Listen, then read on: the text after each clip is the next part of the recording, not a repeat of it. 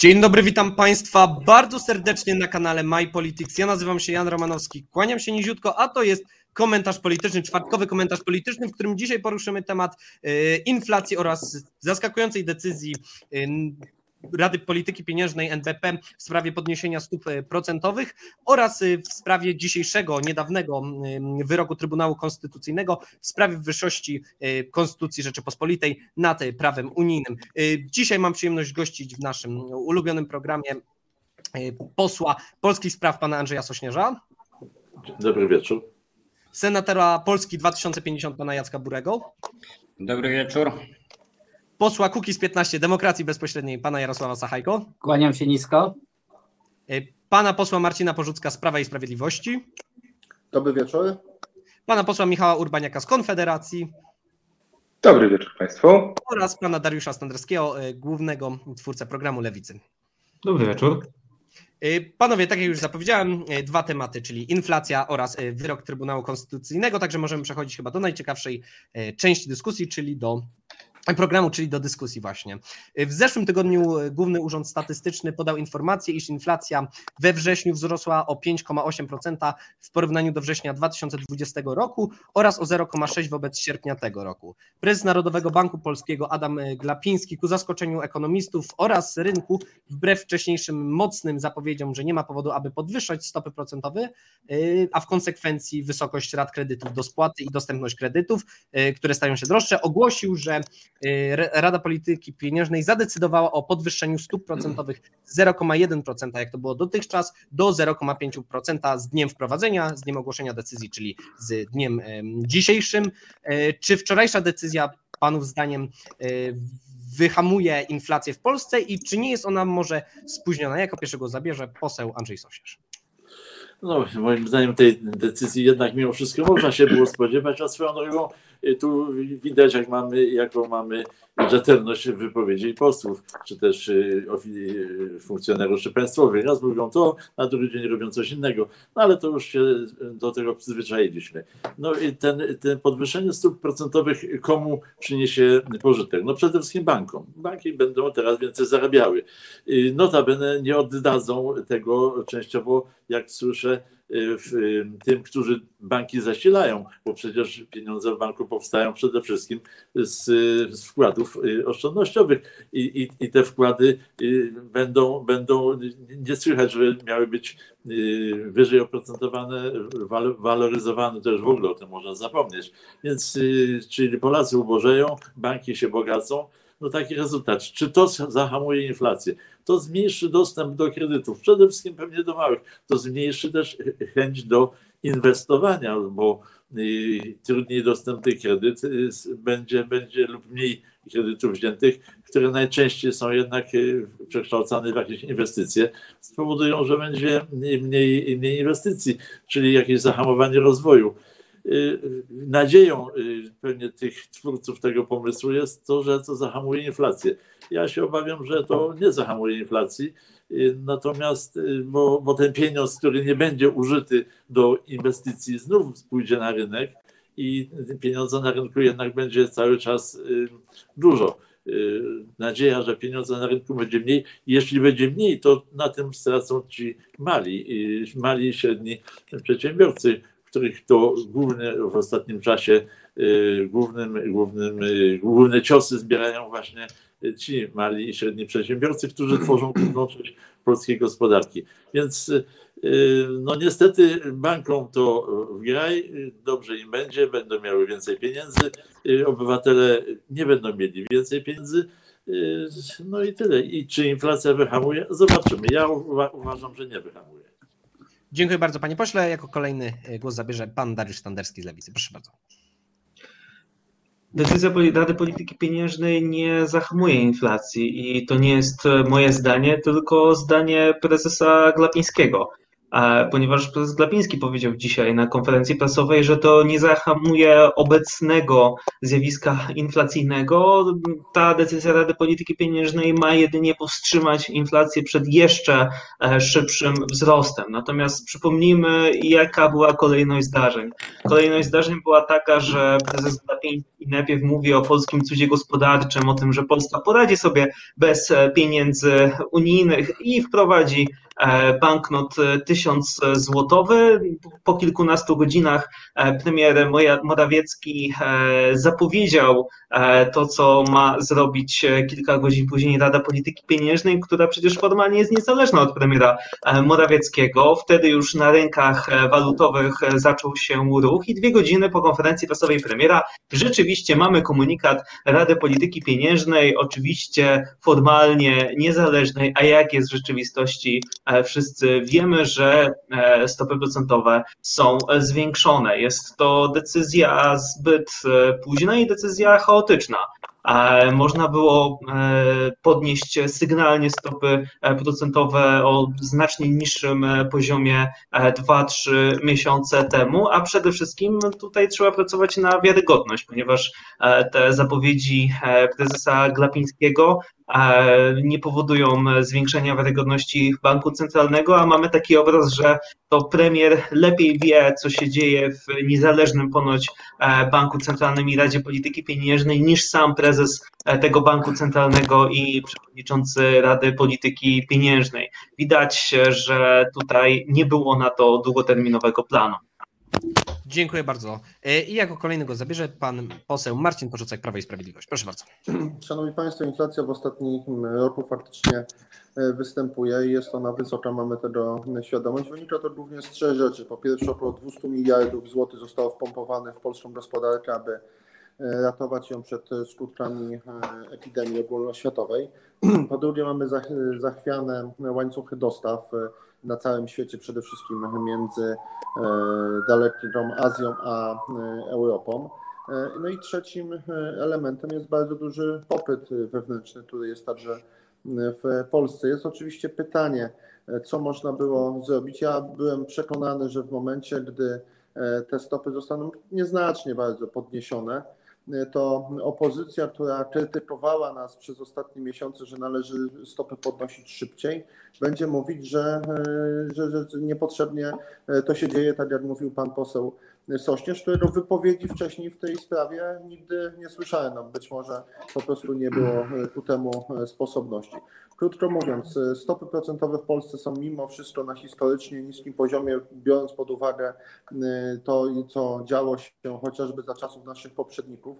E, dzisiaj e, wynoszą, wynosi ta stopa referencyjna 0,5%, a przypominam, że mniej więcej 9-10 lat temu e, za naszych poprzedników to było blisko 5%, czyli te raty kredytowe wynosiły e, w przypadku kredytów hipotecznych, długoterminowych, e, rata była kilkadziesiąt procent wyższa. Przestrzegaliśmy przed tym, ja też jako członek Komisji Finansów Publicznych byłem i nadal jestem przeciwko zdecydowanemu e, wzrostowi stóp procentowych, chociażby do poziomów, o których mówiłem, czyli tych poziomów z czasów naszych poprzedników, bo uważamy, że gospodarka powinna się rozkręcać. Widzimy dokładnie, jakie są parametry polskie w tych najważniejszych aspektach gospodarczych, czyli chociażby wzrostu gospodarczego i poziomu bezrobocia, bo to, co nas najbardziej interesuje, to nie są elementy, y, o których mówią ekonomiści w ramach swoich akademickich wywodów, tylko to, co jest najważniejsze. Bezrobocie w Polsce jest na jednym z najniższych poziomów w Unii Europejskiej. To samo dotyczy wzrostu gospodarczego i nie chcemy schładzać gospodarki. Sygnał dany wczoraj przez Radę Polityki Pieniężnej e, jest e, pewnym, tak jak powiedziałem, nomen omen sygnałem, natomiast nie jest to długotrwała polityka, która ma zmierzać do e, wzrostu stóp procentowych do poziomów sprzed 8 I tu, panie pośle, postawmy kropkę. Dziękuję bardzo. Za, za głowę łapie się senator Bury. Jako kolejny głos zabierze również pan senator Jacek Bury. Ja się łapię trochę za głowę, ponieważ uwielbiam tą retorykę. Ona mi się już wprawdzie znudziła, żeby nie powiedzieć, że mam ochotę mieć jakieś odruchy, e, kiedy Prawo i Sprawiedliwość mówi, no a opozycja, a za waszych czasów, 5 lat temu, 10 lat temu, a za Mieszka pierwszego to było tak, a teraz jest tak. Od sześciu lat rządzi Prawo i Sprawiedliwość i ponosi odpowiedzialność za to, co się w Polsce dzieje, bo ma pełnię władzy i pociąga za wszystkie sznurki, już wszystko praktycznie przejęli, teraz przejmują sądy. Dzisiaj mieliśmy e, tego dobitny przykład. E, Więc inflacja, inflacja jest i ta inflacja została moim zdaniem nakręcona przez e, działaczy partyjnych Prawa i Sprawiedliwości, bo tak naprawdę inflacja służy rządzącym, bo uruchamia środki z e, kont Polaków. Polacy nie chcą tracić pieniędzy na, na rachunkach, które nie są procentowane, ponieważ oprocentowanie jest tak niskie, więc je wyrzucają na rynek. Niby to ma pobudzać gospodarkę, ale to pobudza tylko i wyłącznie e, konsumpcję. Tu pan poseł powiedział, że mamy świetne wyniki, jeżeli chodzi o bezrobocie, e, o wzrost i tak dalej. Dobrze, a proszę mi powiedzieć, jak świetne wyniki mamy, jeżeli chodzi o inwestycje. Y, Jak wygląda sprawa tego, jak polska gospodarka będzie się w przyszłości rozwijała? Fatalnie to wygląda. Nikt nie chce inwestować, wszyscy się boją o swoje pieniądze, szukają możliwości zainwestowania ich i to nakręca inflację. A wracając do NBP-u, do tego, co NBP robi. Y, Proszę Państwa, ja mam wrażenie, że my mamy do czynienia w tej chwili z państwem, które zachowuje się jak gracz walutowy, gracz giełdowy.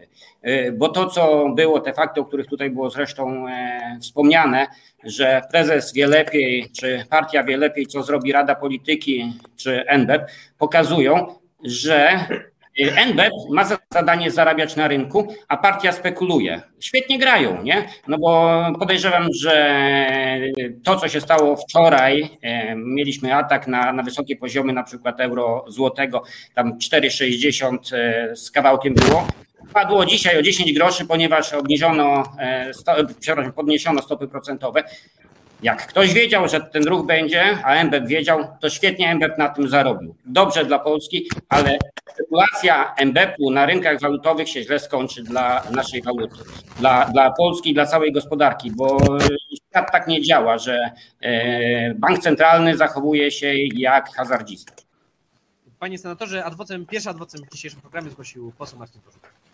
Ja myślałem, że wysłucham wszystkich e, moich e, zacnych oponentów, ale no cóż, e, panie senatorze, no tak to już jest, że pan mówi o Mieszku Pierwszym, o innych osobach. No fakt jest taki, że faktycznie Prawo i Sprawiedliwość rządzi przez ostatnie lata i właśnie my zbieramy owoce naszych działań. Pan mówi, że fajnie, że jest e, niskie bezrobocie i wysoki wzrost gospodarczy. Ja też uważam, że to jest fajnie i to jest właśnie efekt działań Prawa i Sprawiedliwości, ponieważ my nie tylko jesteśmy średnią, jeżeli chodzi e, o kraje Unii Europejskiej, my jesteśmy w zdecydowanej czołówce. No, czemu w innych krajach e, nie mają takiego niskiego poziomu bezrobocia? Czemu ten wzrost nie jest tak duży? Czemu e, te programy pomocowe, które zostały wdrażane także w krajach e, Europy Zachodniej, które, w krajach, które od kilkudziesięciu lat są w Unii Europejskiej, nie były tak skuteczne jak te programy wdrażane przez rząd Mateusza e, Morawieckiego. Ja nie słyszałem żadnych e, konkretnych propozycji e, z Państwa strony. Słyszałem natomiast, no dzisiaj niestety nie ma przedstawiciela Platformy Obywatelskiej, ale w ostatnich dniach e,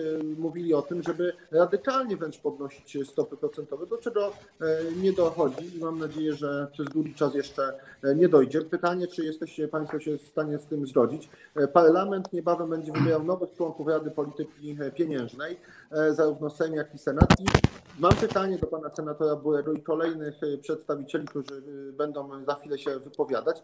Kogo będziecie Państwo rekomendować? Czy ekonomistów, którzy są za tym, aby jednak ten wzrost gospodarczy utrzymywać, czy jednak takich, którzy będą chcieli chłodzić Panie pośle, dajmy panu senatorowi możliwość riposty, proszę bardzo. E, Ja bardzo chciałbym usłyszeć, żeby pan poseł tutaj wypowiedział się o poziomie inwestycji w Polsce.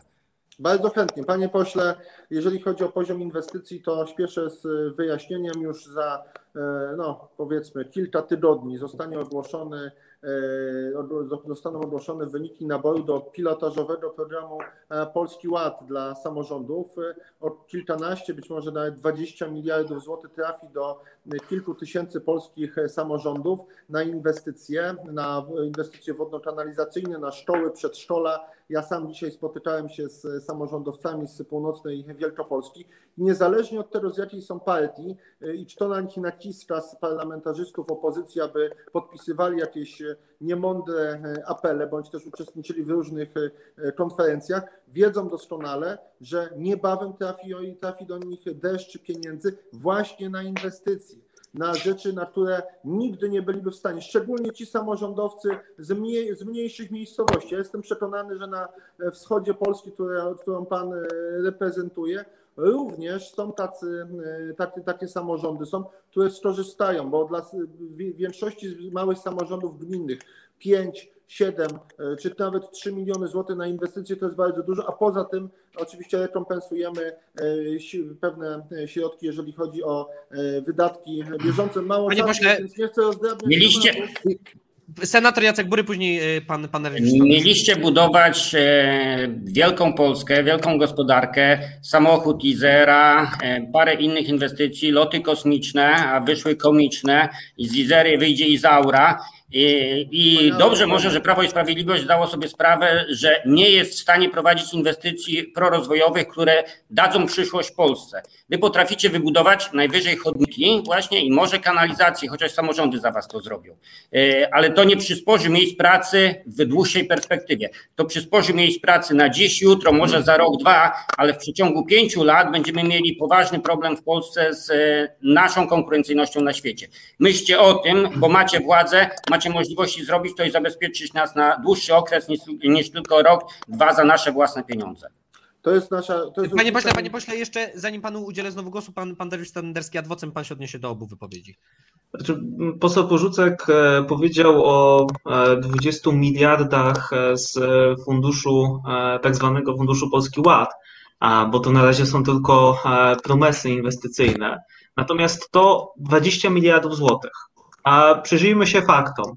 W planie Morawieckiego rząd PiS zapewniał, że poziom inwestycji wyniesie 25%. Właśnie w okolicach 2021-2022. Jeszcze przed pandemią, zamiast rosnąć, wskaźnik inwestycji spadł do 17% a to 20 miliardów wspomniane przez e, posła Porzucka to jest zaledwie 1% PKB. Więc przy założeniu, że wszystkie inwestycje, o których mówi poseł Porzucek, się e, będą udawały, że wszystko pójdzie wspaniale, to i tak ten poziom inwestycji wzrośnie z 17 do 18% no to ja się pytam, gdzie jest pozostałe 7 punktów e, procentowych, które miały być w planie Morawieckiego i które miały dać Polsce właśnie ten impuls rozwojowy na najbliższe lata. Tego nie ma nawet w planach. Poseł Porzucek. No, może, może posłuchamy wszystkich posłów, bo ja jestem ciekawy, co, co ma do powiedzenia pan poseł Urbaniak, czy Dobrze, pan panie poseł pośle, nie chciałbym dominować tej, tej, dyskusji.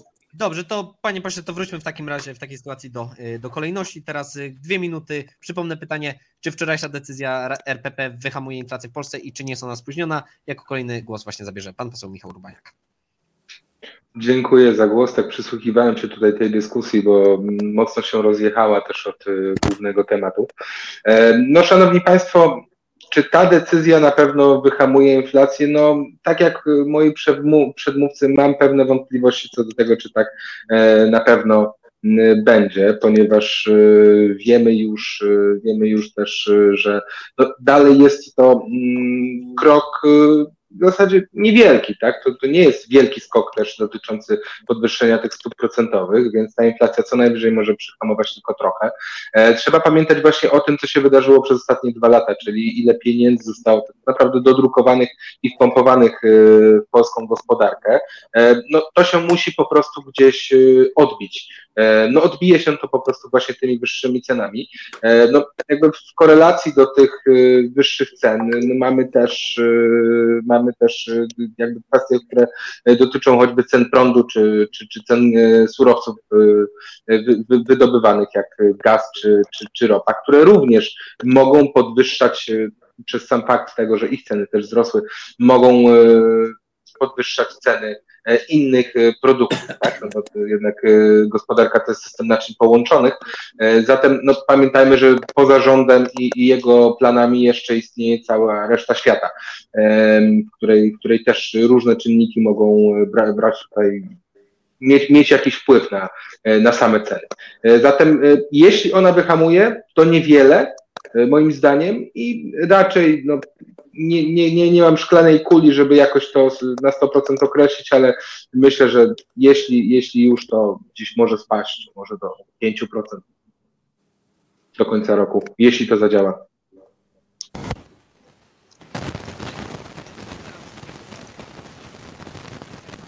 Nie słyszę. Halo, Masz szumień. Posłowi a teraz jest pan Wydaje mi się, że teraz ja, bo widzę siebie. No po pierwsze, y, tak prosiłbym, żebyśmy się za bardzo nie straszyli. Y, O tym, że, będą, że gospodarka będzie się fatalnie rozwijała, że wszystko upadnie, ja słyszę już od sześciu lat i jak na razie to się nie stało. Wracając do, do, do pytania, y, po pierwsze, no, inflacja na tak wysokim poziomie nie jest e, dobra, tylko z wysoką inflacją obecnie borykają się mm, liczne państwa. Niemcy mają najwyższą inflację od 30 lat. Podobnie jest w Stanach Zjednoczonych, gdzie inflacja to jest mm, 5,4%. Wiele banków centralnych chroni swoje społeczeństwa przed wzrostem bezrobocia. Ta decyzja Rady Polityki Pieniężnej nie powinna być zaskoczeniem. W sytuacji, gdy pieniądz był tak tani, a równocześnie inflacja pożerała oszczędności Polaków, mieliśmy do czynienia z niekontrolowaną konsumpcją. Ceny mieszkań i różnych dóbr wystrzeliły w górę, jak również usługi. Należy zwrócić uwagę na zalety posiadania własnej waluty i tego, że mamy Narodowy Bank Polski, a nie Bank Europejski, który, jak widzimy, najczęściej sprzyja gospodarce niemieckiej. Pomimo kryzysu, który był kryzysu, można powiedzieć, ogólnoświatowego, Polska ma rozpędzoną gospodarkę. Przeszliśmy ten COVID, a właściwie nakręconą panikę związaną z COVID-em w miarę suchą stopą, jeżeli chodzi o bezrobocie, jeżeli chodzi o spadek PKB. Pamiętamy, a przynajmniej ja pamiętam, bo może młodzi ludzie nie pamiętają, że w 2003 roku, kiedy rządziła lewica, bezrobocie było w okolicach 20%. Tragedia, padały zakłady pracy. Tam mieliśmy plan pana Barcel, Barcelowicza, który jeszcze bardziej okradł Polaków z ich wirtualnych oszczędności, bo wiemy, że to te, te opowiadania, ile to ludzie mieli na kontach, to albo na książeczkach oszczędnościowych, to, to, to tych pieniędzy tam nie było, one były roztrwonione przez lewicę. I zwrócę uwagę na ciekawe, na ciekawe statystyki, jakie ZPP zrobiło o tym, jak francuskie firmy w Polsce płacą setne czy tysięczne, tysięczne procenty CIT-u. Y, Widzę, że, że adwocem zgłosił poseł Sośnierz. Mam nadzieję, że teraz mnie lepiej słychać. Tak, tak. Świetnie, dobrze. Proszę bardzo, panie pośle. Ja się tylko króciutko nie kontestuję wprost te- tej decyzji. Y, Szukam beneficjentów i celu. Tej, skoro nie ma to wyhamować inflacji, y, jak się oficjalnie mówi, no to po co? Beneficjentami będzie niewątpliwie, y, będzie niewątpliwie system bankowy. No to on na, na tym więcej zarobi. Beneficjentami nie będą mali i drobni przedsiębiorcy, bo będą mieli trudniejszy dostęp do inwestowania i oni nie będą i- inwestowali. Kto jeszcze na tym zyska?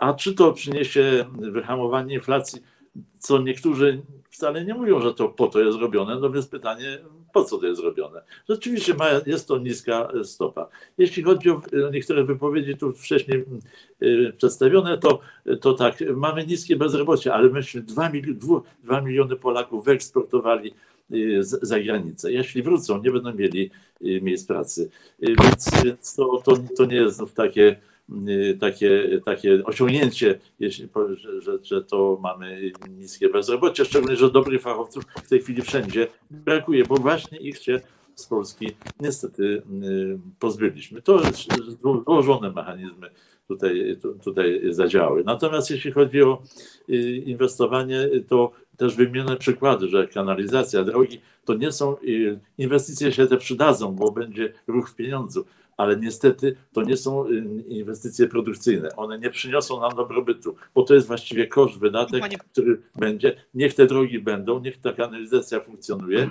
ale to nam nie zapewni y, dobrobytu y, gos- gospodarczego, bo, to, bo droga, co by nie powiedzieć, wprost nie pracuje na, na pieniądz. I tu Dziękuję. postawmy kropkę. Tak, tak, proszę bardzo. Coś panu przerwało. No, ja jednak tutaj nie zgadzam się z tym, że inwestycje w infrastrukturę nie, przy, nie przynoszą miejsc pracy, czy e, nie przekładają się na wzrost gospodarczy. Myślę, że zarówno te lokalne drogi, jak i te drogi, które budujemy, szczególnie drogi ekspresowe, ale także chociażby centralny port komunikacyjny. Ja wiem, że e, jest to pewien mit, który nasi oponenci chętnie mówią, po co to lotnisko, ale tak naprawdę to nie lotnisko jest najważniejsze w tym projekcie, a e, cały szereg e, tysiące kilometrów torów kolejowych, co po pierwsze pozwoli skomunikować dużą część Polski między sobą, między poszczególnymi częściami e, kraju, ale też e, spowoduje, e, to, to będzie się wpisywać w politykę e, klimatyczną i to jest nasz gest w tym e, kierunku i warto o tym e, pamiętać. E, e, Mówił pan poseł e, Sośnierz o tych e, Polakach, którzy wyemigrowali. No oni wyemigrowali w dużej mierze na początku naszej, zaraz po naszej akcesji do, do Unii Europejskiej. Y, Natomiast y, jeżeli chodzi o ten stan, który jest y, obecnie, y, no to cóż, no, część z nich wraca i miejsce pracy, ja sam znam przynajmniej kilkanaście osób, które wróciło i bez problemu znaleźli Ostatnie dwa zdania, w. Polsce. Proszę? Os- Ostatnie dwa zdania, panie pośle. Ostatnie dwa zdania są takie, że polska gospodarka e, ma się dobrze i warto czasami, bo mimo e, tego, co mówią nasi przedmówcy, sięgnąć do tego, p- co było e, kilka lat temu, to nie jest żaden grzech, aby pamiętać, że było znacznie gorzej, bo to nie jest tak, że to, to prosperity zawsze i wszędzie jest wzrost, bo gdyby tak było na przestrzeni dekad czy, czy setek lat, to, za, to byśmy doszli do nie, niewyobrażalnych poziomów. Zawsze jest czas lepszy i gorszy, natomiast e, dzięki rządowi Mateusza Morawieckiego e, utrzymujemy się w ścisłej czołówce krajów Unii Europejskiej i tego się trzymamy. Pan poseł Jarosław Sachajko. Ja chciałem właśnie to uzupełnienie do kolegi Andrzeja zrobić, że rzeczywiście straciliśmy ponad e, 2 miliony Polaków, ale oni wyjechali właśnie z powodu tego gigantycznego bezrobocia, które zostało spowodowane najpierw przez Lewicę, a później przez e, pana profesora Leszka Balc- Balcerowicza.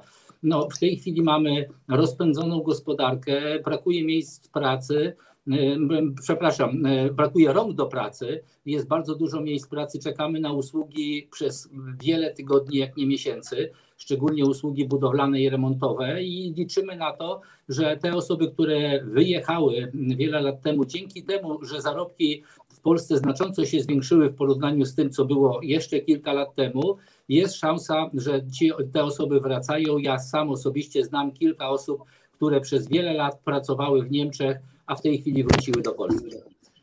Y, Jeszcze pan Dariusz Standerski y, zgłosił adwocem. Proszę uprzejmie. Ja tylko w sprawie uporządkowania, bo, bo poseł Sachajko już drugi raz to mówi, a jednak nie pamięta, co się działo te ileś lat temu, bo to była odwrotność, jest, znaczy kolejność jest odwrotna.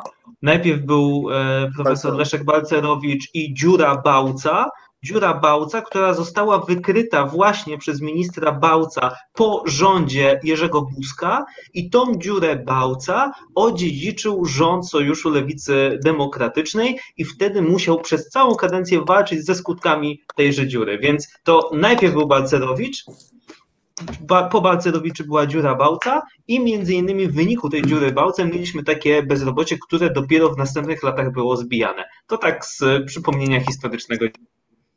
Y, Riposta pan poseł Andrzej, y, przepraszam, Jarosław Sachajko, Dziękuję. y, adwocem pan senator Jacek Bury i przechodzimy do kolejnego segmentu.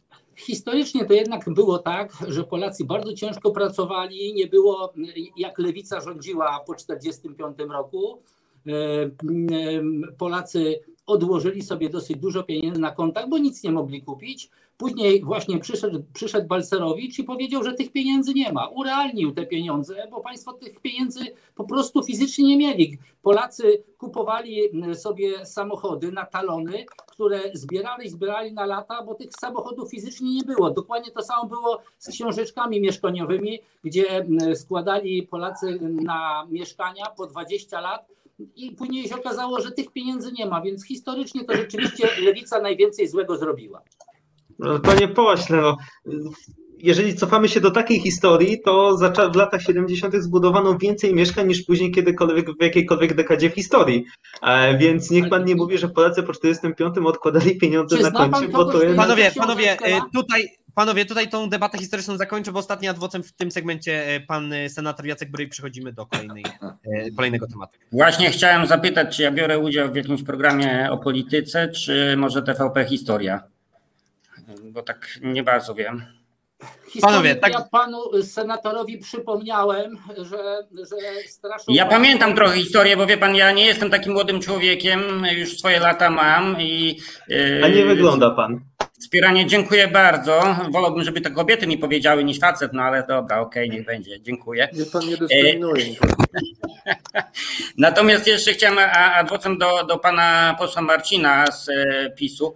E, Centralny port komunikacyjny, no ambitny plan, bardzo ambitny, tylko e, nie wiem, czy mm, nasi widzowie wiedzą, jakie są założenia ekonomiczne tego portu. Pieniądze, które musimy wydać na budowę tego portu, przynajmniej to były założenia, e, z którymi się zapoznawałem chyba ponad rok temu, to były jeszcze trochę inne ceny w ogóle, Więc e, do faktów. Z Okęcia lata około, latało przed pandemią 17-18 milionów e, ludzi rocznie. E, PiS wymyślił, że zrobi CPK i stamtąd będzie 40 milionów ludzi latać. No bo pewnie tylu obywateli mniej więcej mamy, więc niech każdy raz rocznie się przeleci z e, tego głównego portu. E, Tylko ktoś policzył, że to się kompletnie nie zepnie, że trzeba było około 70 milionów ludzi. No więc wtedy w biznesplanie założono, tak, będzie 70 milionów ludzi latało z CPK i to się wszystko ładnie zepnie. I Tylko nie wiem, skąd my tych ludzi weźmiemy. Znaczy, ja mam taki pomysł dla Prawa i Sprawiedliwości. Jeżeli chcemy, żeby CPK powstało i było rentowne, i żeby tyle ludzi latało stąd, to e, kupmy jakieś dobre rakiety i zbombardujmy lotniska koło Berlina czy w innych regionach e, Europy, żeby tylko z naszego CPK latali, to wtedy się biznesowo to wszystko ułoży. A inaczej Pan, to nie. panowie, y, rozmowa o CPK jest ważną rozmową, na pewno do niej wrócimy, ale musimy już przechodzić do kolejnego segmentu, gdyż nie będziemy mieli czasu. Przepraszam, panie pośle, e, tu mówię do posła Porzucka, musimy już przechodzić do kwestii Trybunału Konstytucyjnego. W dniu dzisiejszym właśnie Trybunał Konstytucyjny pod przewodnictwem prezes wspomnianego Trybunału Julii Przyłębskiej orzekł w pełnym składzie orzekającym, przypomnę naszym widzom, e, składającym się z 15 sędziów, e, iż wybrane przepisy traktatu o Unii Europejskiej są niezgodne z Konstytucją Rzeczypospolitej Polskiej. E, Orzeczenie to było zwieńczeniem kilku rozpraw, podczas których Trybunał Konstytucyjny rozpatrywał zapytanie, pytanie premiera Morawieckiego z 29 marca obecnego roku na temat wyższości prawa polskiego nad prawem europejskim. E, 13 z e, 15 sędziów Trybunału Konstytu- Konstytucyjnego podpisało się pod tym orzeczeniem. Zdanie odrębne zgłosił sędzia Piotr Pszczółkowski oraz sędzia Jarosław Wyrębak. Także panowie, e, pytanie jest takie złożone z dwóch pytań tak naprawdę, czy wyrok ten jest słuszny oraz jak on może wpłynąć na relacje między Warszawą e, a Brukselą, jako pierwszego zabierze poseł Marcin Porzucek. No, wyrok ten tak naprawdę jest jedynym, jaki mógł zapaść. Mamy artykuł 8 Konstytucji, który mówi o tym, że to Konstytucja jest najwyższym prawem e, Rzeczpospolitej Polskiej. Oczywiście są kolejne artykuły 9, 90, 91 i e, nie kontestujemy tego, że e, w ramach pewnych umów międzynarodowych możemy przekazywać dokładnie wskazane enumeratywnie kompetencje poszczególnym organizacjom międzynarodowym, no w tym przypadku Unii Europejskiej i jej różnym agendom. Natomiast w ostatnim czasie mieliśmy do czynienia niestety z sytuacją, gdy pozatraktatowo próbowano ingerować chociażby w wymiar sprawiedliwości, y, który jest naszą domeną, bo to że polski e, parlament tworzy prawo i ma do tego pełne prawo. No, to jest y, szersza dyskusja, także dlatego, że niestety w ostatnim czasie e, wiele osób kontestuje, chociażby no, mówi się nie o Trybunale Konstytucyjnym, tylko określa, używa się innego określenia, nie mówi się KRS, tylko jakieś neo-KRS. No to są jakaś nowomowa osób, które nie są w stanie się pogodzić z tym, że to polski parlament tworzy prawo, polski e, rząd e, w jakiś sposób je implementuje, e, natomiast władza sądownicza powinna te, te zalecenia wykonywać. Krótko mówiąc, Polska była, jest i będzie w Unii Europejskiej. Mam wielką nadzieję, że wrócimy do korzeni wspólnot europejskich, do tego, o czym mówili ojcowie e, założyciele kilkadziesiąt lat temu, ale także do tego, e, do tej Unii, do której wstępowaliśmy w 2004 roku. Zależy nam na tym, aby był swobodny przepływ kapitału, osób, towarów. Zależy nam na tym i tutaj jesteśmy w awangardzie wręcz i to nie tylko dziś. Czyli pan, panie, panie pośle, ale czyli... jeżeli chodzi o granice zewnętrzne, krótko mówiąc, Jesteśmy w Unii Europejskiej, chcemy w niej pozostać i bardzo bym prosił, apelował do środowisk, e, które przegrywają wybory przez ostatnie e, lata, aby jednak nie e, tej atmosfery nie podgrzewały i abyście Państwo zerwali z tą doktryną ulica i zagranica. Ulica wam nie wyszła, więc próbujecie za granicą. Czyli panie, nadzieję, że... panie pośle, rozumiem, że, że pan w takim razie się nie podpisuje, absolutnie się nie zgadza ze zdaniami czy to środowisk prawniczych, czy poli niektórych opo polityków opozycyjnych, że ten wyrok jest de facto tak zwanym polexitem prawnym. Ja w ogóle nie używam takiego sformułowania, ani tym bardziej nie chcę używać sformułowania, które swego czasu powiedział Donald Tusk, wypierd czymś. E, to jest coś skandalicznego i to jest zdrada e, Polski. Polska jest silnym krajem, suwerennym krajem w środku Europy. Chcemy współpracować z naszymi partnerami, ale na zasadach partnerskich, bo jeżeli e, Federalny Trybunał Konstytucyjny w Niemczech, we Włoszech, w Rumunii, w Hiszpanii może kontestować poszczególne regulacje unijne, bo mówi, to jest nie wasza kompetencja unijna, tylko nasza wewnętrzna, to my również mamy do tego prawo. Dziękuję bardzo panie pośle. Senator Jacek Bury. No ja mam wrażenie, że tutaj nasz e, rząd, czy Prawo i Sprawiedliwość, e, właściwie nie wrażenie, przekonanie, zasłaniając się e, suwerennością Polski, tak naprawdę dąży do tego, żeby mieć nieograniczoną władzę.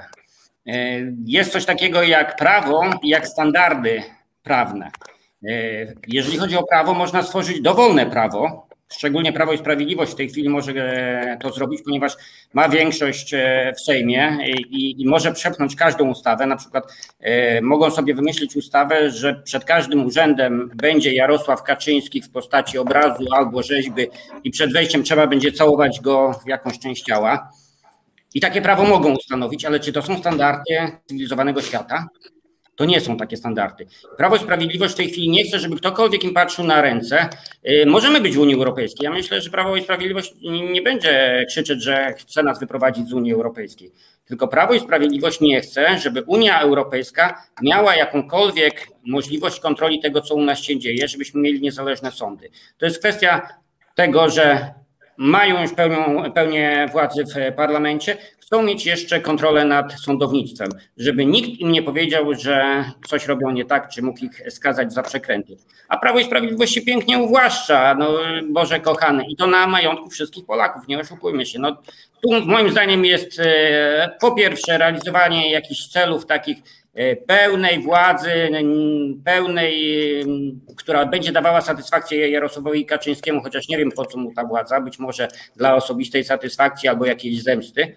E, ale to nie jest dla dobra Polaków. To nie jest dla nas dobre, bo my referendum akcesyjnym e, głosowaliśmy za inną Unią i za inną Polską, nie taką, która będzie dyktaturą. Panie senatorze, jeszcze do pana mam tutaj takie drugie pytanie. Polska 2050 niedawno ogłosiła, że być może, a wręcz zdaniem Instytutu Strategii Polski 2050, Strategii 2050, rozwiązaniem na znaczy rozwiązaniem jest rozwiązanie Trybunału Konstytucyjnego, że Polska powinna zlikwidować Trybunał Konstytucyjny. Czy pan uważa, że faktycznie Polska powinna się tej instytucji e, pozbyć z naszego e, ładu prawnego? Problem jest taki, że w tej chwili Trybunał Konstytucyjny jest ciałem kompletnie politycznym. PiS doprowadził do tego, że umieścił w e, tym gremium swoich ludzi, którzy są posłuszni woli politycznej. E, więc to nie jest de facto sąd niezawisły. To jest sąd, ale nie jest niezawisły. Oni wykonują polecenia Jarosława Kaczyńskiego i jakieś wierchuszki PiSu. E, my jesteśmy za tym, żeby te kompetencje przejęły sądy albo powszechne, albo musimy wyzerować Trybunał Konstytucyjny i doprowadzić do jego niezależności, do wybrania sędziów, którzy będą sędziami niezależnymi, a nie nominatami partyjnymi. E, Dyskusja jest otwarta, e, natomiast w tej postaci, w której w tej chwili mamy do czynienia z sądem wybranym przez Jarosława Kaczyńskiego, to, to jest bardzo niepoważne i ubliżanie polskiej inteligencji. Dziękuję bardzo, panie senatorze. Y, Pan poseł Jarosław Sachajko adwocem, ale również jako kolejny się wypowie. Także proszę bardzo, panie pośle, y, to troszkę dłużej niż dwie minuty, jako że jeszcze adwocem. Y, Dziękuję bardzo. Ja tylko do tej wypowiedzi krótko senatora Jacka Burego chciałem powiedzieć, że no, my dążymy, tylko niech Państwo powiedzą jak. No, Kukiz 15 od dawna mówi o tym, żeby sędziów do KRS-u wybierać w wyborach powszechnych. Również możemy myśleć o tym, żeby y, sędziów Trybunału Konstytucyjnego wybierać w wyborach powszechnych. Czyli nie dążmy, tylko wprowadźmy elementy właśnie te demokratyczne do sądownictwa, bo tam nie ma. No, pan Jacek, y, senator Jacek Bury pamięta, że Platforma wcześniej wybierała nawet nadmiarowych sędziów i wtedy zaczęło się psucie tego prawa. Wracając do, do tematu. Może zacznę od tego, że z wielu artykułów e, z polskiej konstytucji można wyczytać wszystko, w zależności od tego, kto ją e, interpretuje. Jest ona po prostu, delikatnie powiem, źle napisana. Innym problemem w Polsce jest to, że mamy bardzo kreatywnych e, sędziów czy prawników. E, I tam, gdzie mamy dwóch prawników, tam jest pięć różnych opinii, no nie wspominając o politykach, którzy jeszcze są bardziej kreatywni.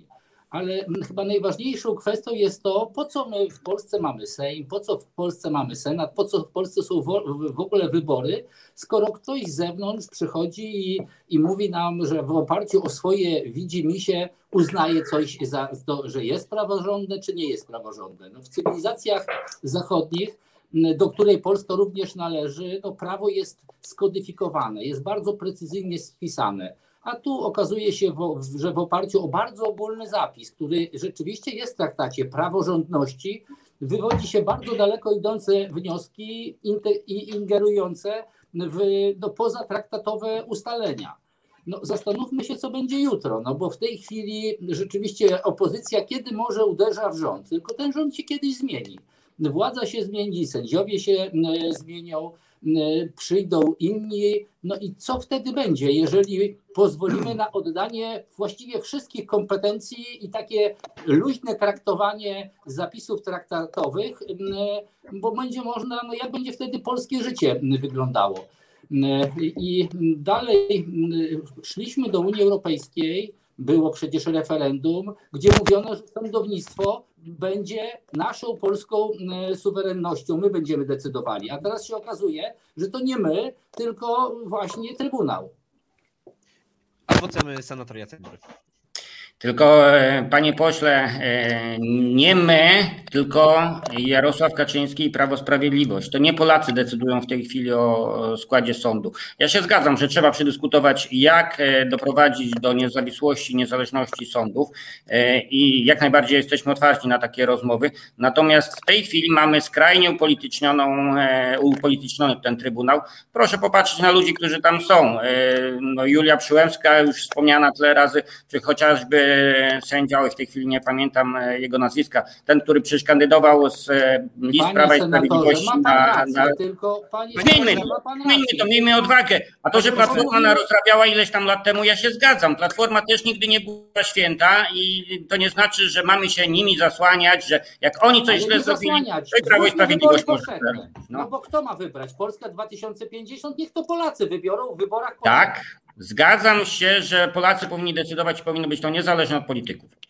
Y, To może, panie senatorze, tutaj pytanie, które co i róż zadaje, jak są z nami reprezentant, reprezentanci Polski 2050. Może Jaśmina powinna zadecydować.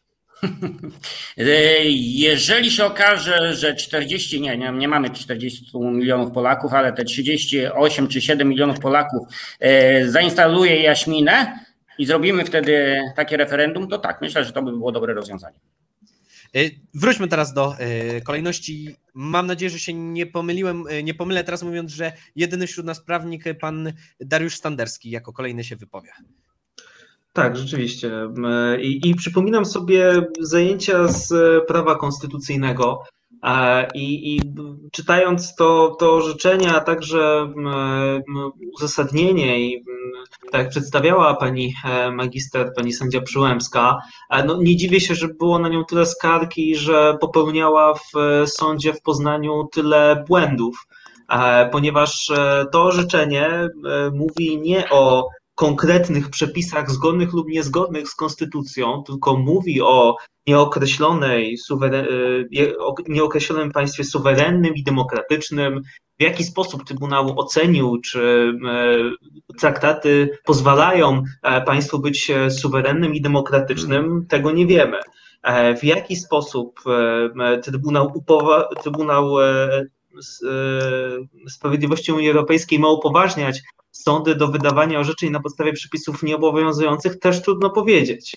I to jest, to jest jedna kwestia, że to zostało napisane w taki sposób, że właśnie jak poseł Sachajko mówi o precyzyjnym prawie, no chciałbym, żeby wyroki były precyzyjne, a ten jest szalenie nieprecyzyjny. A druga sprawa, to mówimy o niezgodności traktatu o Unii Europejskiej z polską konstytucją. Też e, poseł Sachajko mówił o e, niezgodności artykułu drugiego, o tym bardzo e, ogólnikowym artykule drugim. Tyle tutaj padło już krytyki na temat tego traktatu, a obecny traktat ma swoją formę po podpisaniu i ratyfikacji traktatu z Lizbony.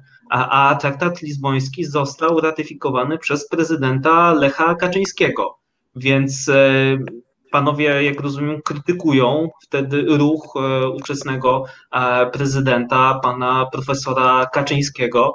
E, I jak rozumiem, to jest właśnie cały ruch, żeby podać wątpliwość to, co pan prezydent w roku 2007 i 2008 robił. Dziękuję bardzo.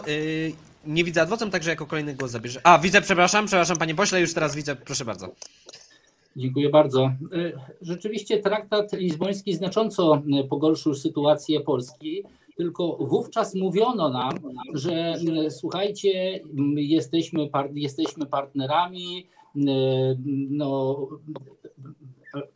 liczbę głosów dostosowujemy do, do liczby mieszkańców, ale macie pewne wyłączenie. I z tym wyłączeniem było sądownictwo i były różnego innego rodzaju rzeczy ideologiczne, rodzinne i tak dalej. Tylko w tej chwili widzimy, że to wszystko było kłamstwo. I, I, to jest ten problem, że my nie siedzimy przy stole jako równoprawni, e, równoprawne podmioty, tylko się okazało, że my się umawialiśmy wiele lat temu, no ja przepraszam, z jakimiś szulerami, którzy wcześniej mówili co innego, a teraz mówią co innego. No, Francja, która mówi o, o, o, o demokracji, zniszczy, niszczy naszych przedsiębiorców, transportowców, mówiąc właśnie znowu wielkie słowa, że oni muszą odpoczywać, a jednocześnie, gdy zdobyliśmy rynek transportowy, powstaje dyrektywa transportowa, która niszczy jedną z podstawowych zasad e, Unii Europejskiej swobody przepływu usług. To jest ten problem. Proszę bardzo, y, pan Dariusz Standerski, adwokat. Znaczy, to znaczy, że profesor Lech Kaczyński dał się, został oszukany?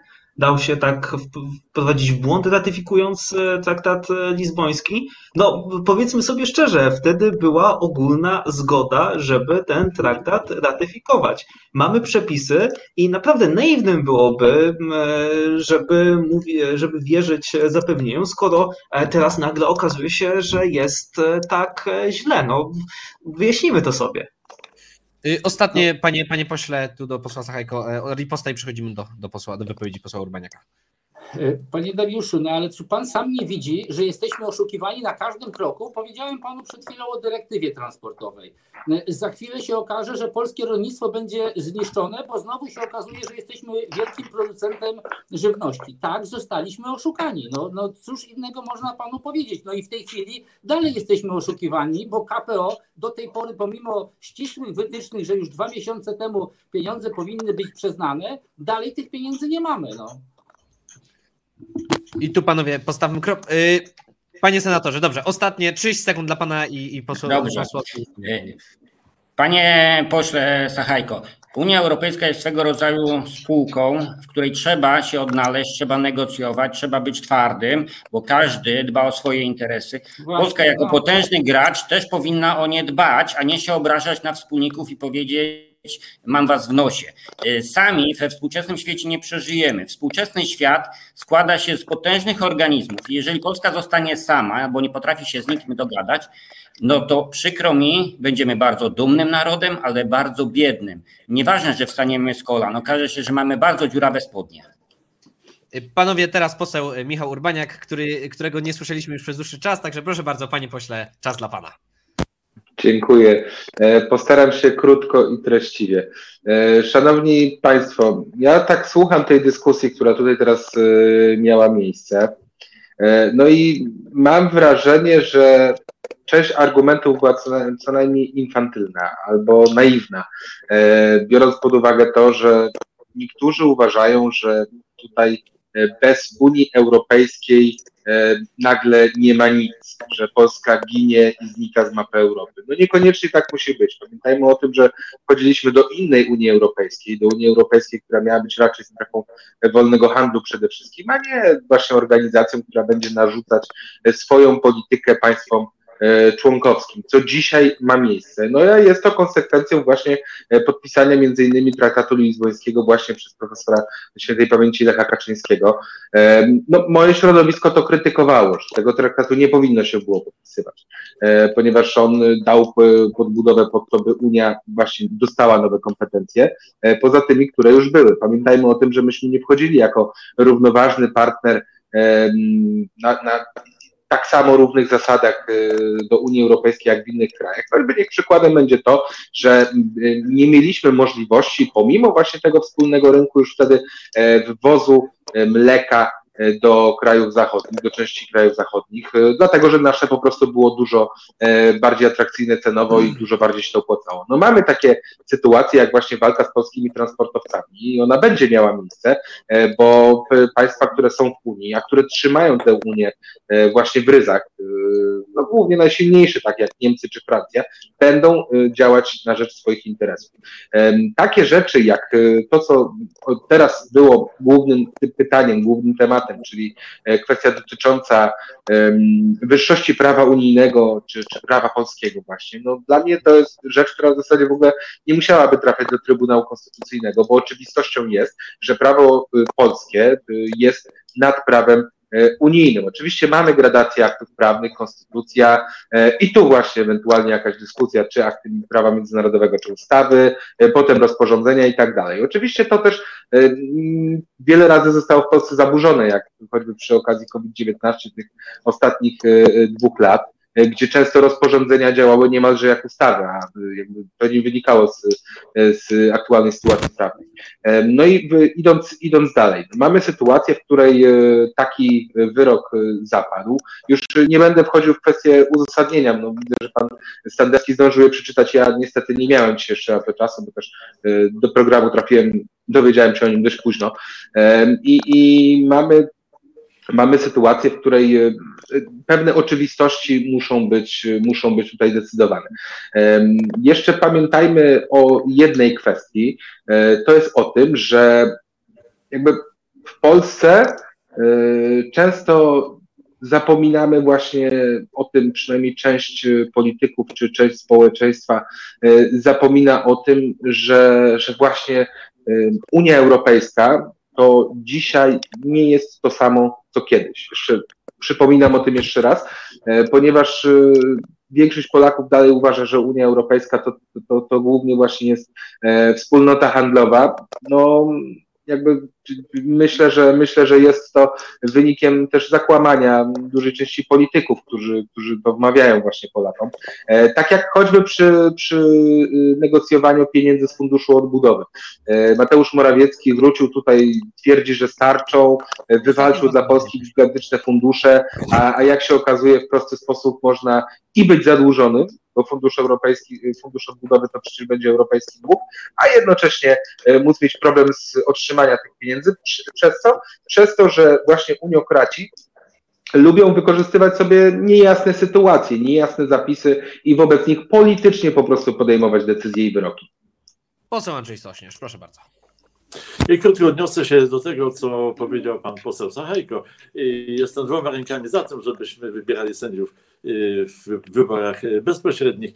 Przecież y, wszyscy, wielu mówi o koncepcji Locke'a i Montesquieu'a, czyli trójpodziale władzy, a przecież go w Polsce nie było i nie ma. Jeżeli poseł może być ministrem, to już nie ma trójpodziału podziału władzy i to, to trzeba oczywiście rozdzielić, ale również i sądownictwo, żeby nie było całkowicie kastą, które nie, nie będzie zupełnie nikomu podlegała, no to wybory jak najbardziej, ale wtedy to będzie nie, wtedy rzeczywiście niezależne sądownictwo i trójpodział władzy. A to jest jeden z elementów i o tym powinniśmy my sami niepodlegle y, dyskutować. Ja bardzo żałuję, że Prawo i Sprawiedliwość prowadząc zmiany w sądownictwie właściwie niczego nie poprawiło, bo sądy jak działały opieszale, a nawet jeszcze bardziej opieszale, tak działają. Ten resort wymaga poprawy w, w ramach suwerennych y, niepodległych decyzji. Osobiście jestem uczulony na punkcie y, suwerenności, niepodległości i niektórzy, którzy myślą o wpisywaniu wiecznej przyjaźni ze Związkiem, a przepraszam, nie Związkiem Radzieckim, tylko Unią Europejską do Konstytucji, no to, no to dla nich jakieś powtórka z historii, chichot historii i, i, i smutne, smutne, smutne reminiscencje. Na, natomiast y, niewątpliwie w tej Unii nie ma mowy o polexicie.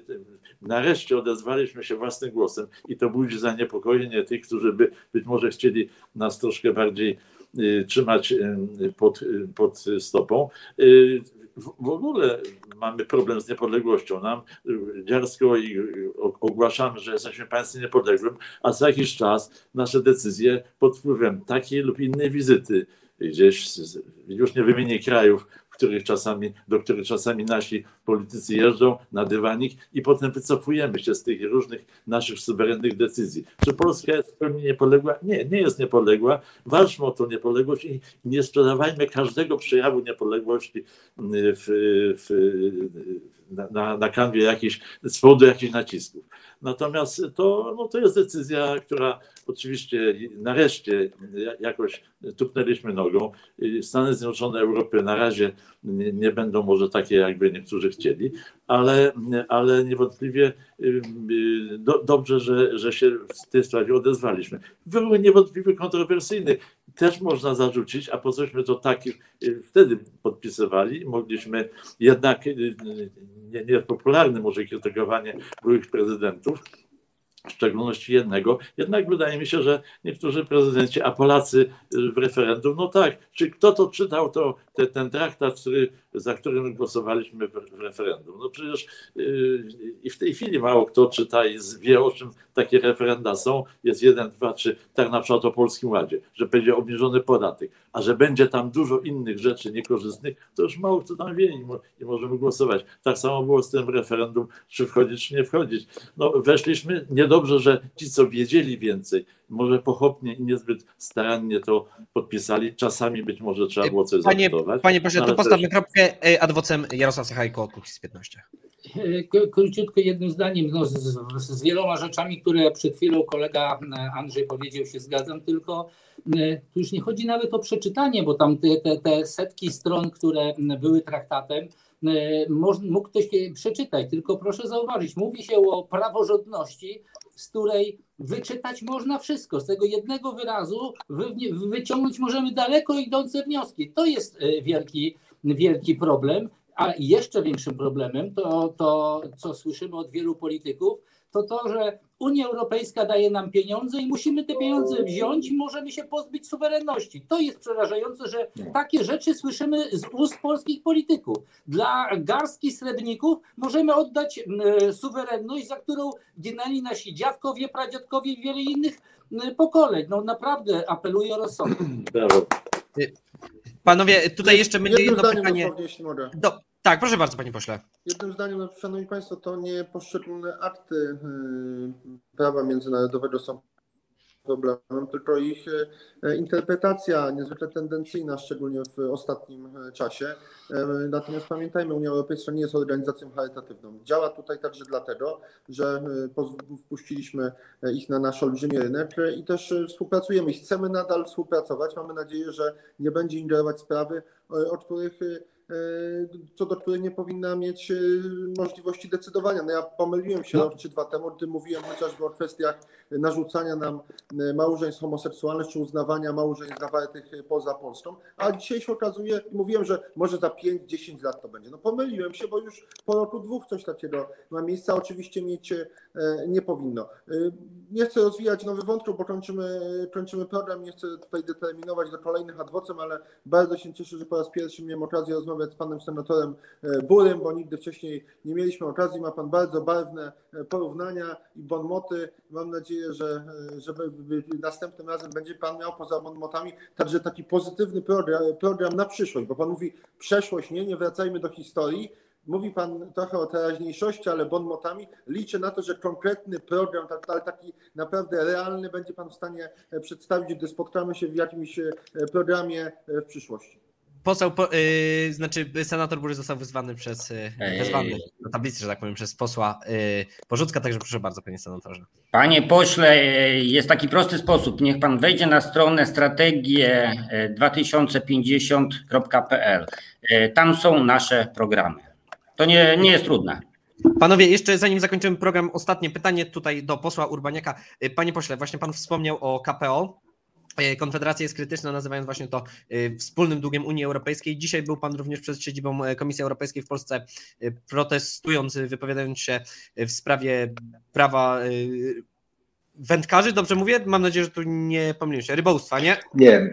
Dzisiaj odbywał się protest właśnie rybaków małoskalowych, czyli rybaków, którzy zasadniczo korzystają z łodzi do 12 metrów, łowią dużo mniej na przykład niż rybacy paszowi. Oni walczyli o to, przyszli czyli gdzieś tam też złoży, złożyli pisemnie swoje, swoje postulaty, do tego by w ogóle dalej mogli łowić na, na łowiskach, czyli w Zatoce Puckiej, w Zatoce Gdańskiej, na Zalewie Wiślanym, czy też na, na, północ, tam od strony środkowego Pomorza na przykład, ponieważ dostali właśnie informacje o nie tylko zakazie połowu dorsza, który już dzisiaj jest, ale także o zakazie połowu łososia, ponieważ no, jakby jest pewien problem dotyczący też tar tarła na Bałtyku, jest problem dotyczący tego, jak sama Komisja Europejska, no i też Polska przy okazji to prawo i już kończę, interpretuje, no choćby na przykład problem jest taki, że nie mogą nie być uznawani za, za osoby trudniące się rybactwem, jeśli będą odławiać węgorza, bo nie będzie im się to wliczało do ilości dni połowowych, których ma być minimum 60 w skali roku. Właśnie, ale jeszcze kontynuując, panie pośle, tutaj Konfederacja popiera właśnie, cały czas popierała zapytanie premiera Morawieckiego, pobierała ideę, tak, interpretację prawną, że Konstytucja Rzeczypospolitej jest powyżej prawa unijnego.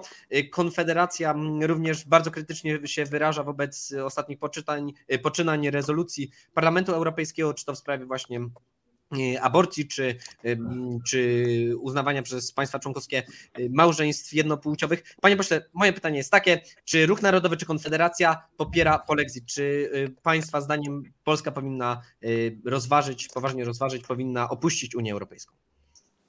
Myśmy przy wyborach w 2019 roku do Parlamentu Europejskiego opublikowali program Polexit, czyli bezpieczne wyjście awaryjne. I ta nazwa moim zdaniem bezpieczne wyjście awaryjne tutaj oddaje sens naszego podejścia, ponieważ no, my też możemy próbować walczyć o to, by tę Unię Europejską jeszcze trochę zmienić właśnie, bo nie mamy nic przeciwko samej wspólnocie handlowej. Ale jeśli ona jest wspólnotą handlową, a dzisiaj już mamy nie tylko handlową, ale też ideologiczną wspólnotę, która narzuca nam swoją agendę, no i na to się nie zgadzamy. Więc jesteśmy przede wszystkim krytyczni wobec Unii Europejskiej w takim formacie i absolutnie nie wykluczam polexitu. Polexit nawet nie musi być z woli Polaków, ponieważ oczywiście no, taka decyzja musiałaby być podjęta też przez większość Polaków, moim zdaniem. My przedstawiamy alternatywy i pokazujemy, że jest to właśnie jedna z decyzji, które może będzie warto jednak podjąć, ale nie narzucamy jej, no bo, no bo któż dałby nam takie prawo dzisiaj, e, nie jesteśmy tak silni też w parlamencie, e, żeby, żeby zacząć tą dyskusję na przykład w formie referendum. E, No i y, do czego to się, do czego to się zmierza? No jesteśmy krytyczni, tak jak powiedziałem, nie wykluczamy tego wyjścia, trzeba być na nie przygotowany. My przygotowaliśmy taki program, zachęcam do przeczytania go także, jest na stronie Ruchu Narodowego i tam są tłumaczone też różne mity i fakty dotyczące właśnie Unii Europejskiej. Dziękuję bardzo, panie pośle. Nie widzę adwocem chyba, nie widzę adwocem. Ale to jest trzeci temat, czy to po prostu ekstra czas dla Nie, nie, nie, Konfederacji? to było do, do, dodatkowe pytanie tutaj, e, kilka było tych dodatkowych pytań, tak od, od czasu do czasu dochodzą jeszcze, powiedzmy takie adwocem ode mnie, że tak powiem. E, Panowie, w takiej sytuacji, jak nie widzę adwocem, zakończymy już dzisiejszy program. Na pewno będziemy wracali już e, jeszcze często do tematu Unii Europejskiej, polskiego e, uczestnictwa e, w, w projekcie Unii Europejskiej i członkostwa właśnie w, w tejże Unii. A tym zakończmy dzisiejszy program. Moimi Państwa gośćmi byli dzisiaj senator Polski 2050, pan Jacek Bury, Dziękuję, do widzenia. poseł Koła Poselskiego Polskie Sprawy Andrzej Sośnierz, Do widzenia, dziękuję. poseł Koła Kukiz 15 Demokracja Bezpośrednia Jarosław Sachajko, Dobranoc. Y, poseł Marcin Porzucek z Prawa i Sprawiedliwości, Dobranoc. poseł Konfederacji, a dokładnie Ruchu Narodowego pan Michał Urbaniak Dziękuję, kłaniam się. oraz dyrektor programowy Lewicy pan Dariusz Standerski. Dobrego wieczoru. Dziękuję Państwu bardzo. Zachęcam, y, tak jak zawsze, do y, oglądania treści My Politics. Ja widzę już się z Państwem niedługo. Ja nazywam się Jan Romanowski. Kłaniam się nisko. Do widzenia. Do zobaczenia. Do widzenia.